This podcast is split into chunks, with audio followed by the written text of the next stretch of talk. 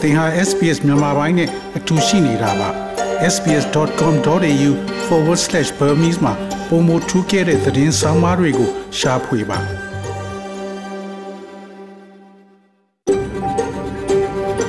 SBS A world of difference You're with SBS Burmese on mobile, online and on radio mobile online နဲ့ radio ပေါ်မှာသင်ဟာ SPS မြန်မာပိုင်းနဲ့အ တူရှိနေတာဖြစ်ပါတယ်သောရရှင်များချစ်တီမင်္ဂလာဖျားဖျားနဲ့ပြည့်စုံတော်မူကြပါစားခင်ဗျာဒီနေ့ဧပြီလ30ရက်စနေနေ့မြန်မာပိုင်းစီစဉ်များကို SPS Radio မှစတင်အသံလွှင့်နေပါတယ်ခင်ဗျာဒီနေ့စီစဉ်များကိုကျွန်တော်ကျော်ထွန်းအောင်ခေါ် Terror အောင်ကတင်ဆက်သွားမှာဖြစ်ပြီးယနေ့ပါဝင်မဲ့အစီအစဉ်များမှာတော့ NUG ကိုယ်စားလှယ်ဒေါက်တာထွန်းအောင်ရွှေကိုဒေါအောင်ဆန်းစုကြည်ကို နောက်ထပ်ပြစ်ဒဏ်ချမှတ်တာနဲ့ပတ်သက်လို့မေးမြန်းထားကအရက်ဆွဲတဲ့ပြဿနာရှိသူများကိုကုသဖို့အောက်ဆီတိုစင်ဆေးကအထောက်အကူပေးနိုင်တယ်ဆိုတဲ့ဆောင်းပါးကိုယ်ွယ်ယုံကြည်မှုဆိုင်ရာမတရားဖိနှိပ်ခြင်းအကြောင်းကို ရှင်းပြထားတဲ့အကြောင်းအရာနဲ့တန်ဝင်ခက်ကပေးပို့ထားတဲ့တူမီရန်ငွေတွေကြားကတစ်နှစ်ပြည့်ချင်းတောင်နှံဆိုတဲ့သတင်းဆောင်ပါတို့ကိုနားဆင်ရမှာဖြစ်ပြီးဒီနေ့ခေါင်းကြီးပိုင်းသတင်းတွေကတော့ Solomon ဝန်ကြီးချုပ် ဩစတြေးလျအစိုးရကိုဝေဖန်မြန်မာနိုင်ငံအထက်ပိုင်းအပူချိန်မြင့်တဲ့ယူကရိန်းရဲ့ရုရှားကိုထောက်ခံတဲ့တရုတ်ရပ်တည်ချက်ယင်းနှမြုံနှံမှုကို6လ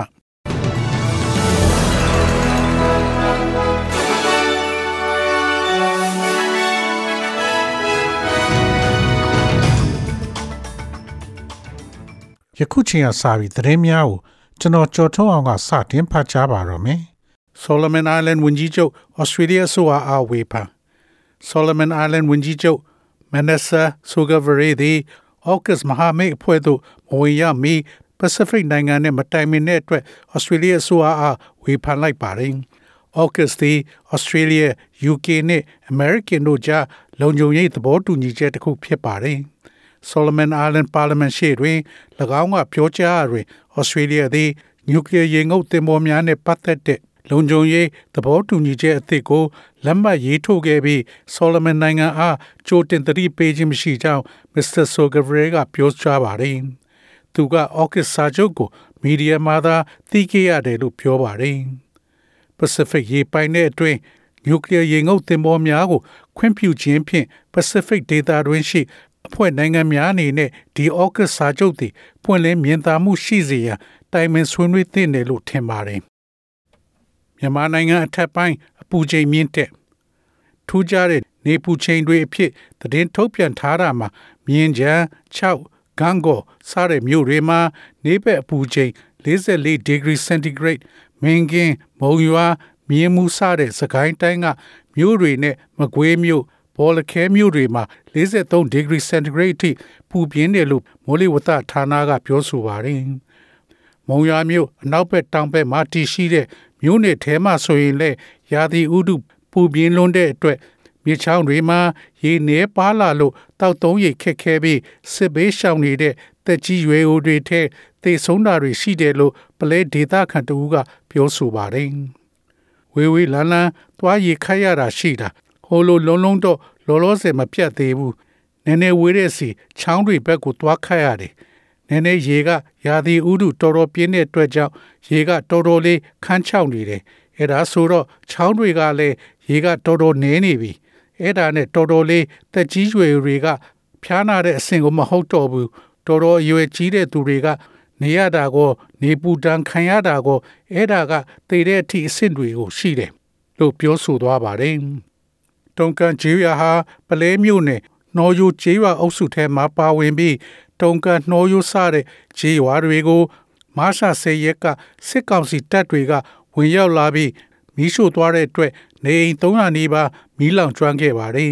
စစ်ကောင်စီနဲ့ဒေသခံကာကွယ်ရေးအဖွဲ့တွေမကြာမကြာတိုက်ပွဲတွေဖြစ်တဲ့ပလဲမျိုးနယ်ထဲမှာစစ်တပ်နယ်မြေရှင်းလင်းမှုအတွင်းခြေရွာဆယ်ရွာထက်မနည်းမီးရှို့ခံရတယ်လို့နေအိမ်တွေဆုံးရှုံးခဲ့တဲ့ဒေသခံထောင်တဲ့ချီဟာ ဘေးလွတ်ရာကိုတင်းရှောင်နေရတာလနဲ့ကြာမြင့်နေပြီလို့သိရှိရပါတယ်။ယူကရိန်းအရေးတွင်ရုရှားကိုထောက်ခံတဲ့တရုတ်ရပ်တည်ချက်ကြောင့်ယင်းဒီမြုံနှံသူများထိတ်လန့်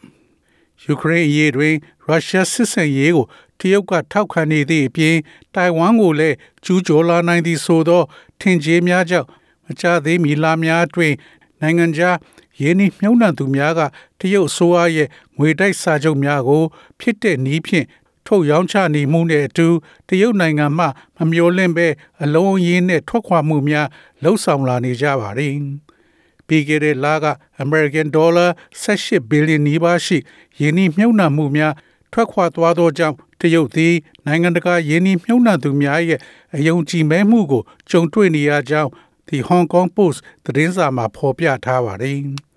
တရုတ်နိုင်ငံတွင် February လက American Dollar 9.5 billion ရှိတရုတ်ငွေစာတိုက်ချုပ်များ ရောင်းချမှုနဲ့အတူမကြသေးမီလများအတွင်းနိုင်ငံခြားယင်းနှမြုံနှံသူများကစံချိန်တွင်ငွေချေးစာချုပ်ဈေးကွက်မှပြန်ဆုတ်သွားကြပါတယ်။ကွန်မြူနစ်တရုတ်နိုင်ငံသည်ယူကရိန်းတွင်မိတ်ဆွေရုရှားအား ဝေဖန်ရန်ညင်းဆိုတော်လဲအနောက်နိုင်ငံမှအရေးယူပိတ်ဆို့မှုများကိုကြောက်ရွံ့သဖြင့်ရုရှားအားကူညီရန်မိသည့်အရာကိုမျှမလုပ်သေးပါဘူးတရုတ်ရဲ့ Solomon သဘောတူညီချက်တရုတ်နဲ့ Solomon သဘောတူညီချက်ချိန်ညာချိန်သည်ရွေးကောက်ပွဲတွင်ဝင်ရောက်ဆွတ်ဖက်မှုပုံစံဖြစ်တယ်လို့ဝန်ကြီးချုပ် Scott Morrison ကတုံ့ပြန်ပြောဆိုပါတယ်။ ရွေးကောက်ပွဲကိုဝင်ရောက်ဆွတ်ဖက်တယ်လို့တရုတ်နိုင်ငံမှဆွဆွဲထားသောပြည်ထောင်စုဝန်ကြီး Karen Andrews ရဲ့မှတ်ချက်ကို ရှင်းလင်းပေးရန်ဝန်ကြီးချုပ်အားတောင်းဆိုထားပါတယ်။ SBS SBS SBS SBS SBS This is SBS Radio. ငွေလဲနှုန်းမှာတော့ Australian dollar ကိုမြန်မာကျပ်ငွေ1308ကျပ်ရရှိပြီး American dollar ကိုမြန်မာကျပ်ငွေ1852ကျပ်ရရှိပါတယ်။ Australian dollar ဟာ American 80 cent နဲ့ညီမျှပါတယ်။မနေ့ဖြန် Australia တိုက်မှာရှိတဲ့မြို့ကြီးများရဲ့မိုးလေဝသခန့်မှန်းချက်ကတော့ Sydney မြို့မှာအပူချိန်22 degree centigrade ရှိမှဖြစ်ပြီးမိုးရွာသွန်းမှာဖြစ်ပါတယ်။ Melbourne မြို့မှာအပူချိန်20 degree centigrade ရှိမှဖြစ်ပြီးမိုးတိမ်သားများအနည်းငယ်ရှိမှဖြစ်ပါတယ်။ Brisbane မြို့မှာအပူချိန်24 degree centigrade ရှိမှဖြစ်ပြီးမိုးတစ်ဖြောက်နှစ်ဖြောက်ရွာသွန်းမှဖြစ်ပါတယ်။ Perth မြို့မှာအပူချိန်25 degree centigrade ရှိမှဖြစ်ပြီးနေသားမှာဖြစ်ပါတယ်။ Adelaide မြို့မှာအပူချိန်21 degree centigrade ရှိမှဖြစ်ပြီးမိုးတိမ်သားများအနည်းငယ်ရှိမှဖြစ်ပါတယ်။ Hobart မြို့မှာအပူချိန်16 degree centigrade ရှိမှဖြစ်ပြီးမိုးတိမ်သားများရှိမှဖြစ်ပါတယ်။ Canberra မြို့မှာအပူချိန်18 degree centigrade ရှိမှဖြစ်ပြီးနေသားမှာဖြစ်ပါတယ်။ Darwin မြို့မှာအပူချိန်35 degree centigrade ရှိမှဖြစ်ပြီးများသောအားဖြင့်နေသားမှာဖြစ်ပါတယ်။ဤတွင်သတင်းများကိုကြီးညာလို့ပြီးပါပြီခင်ဗျာ။။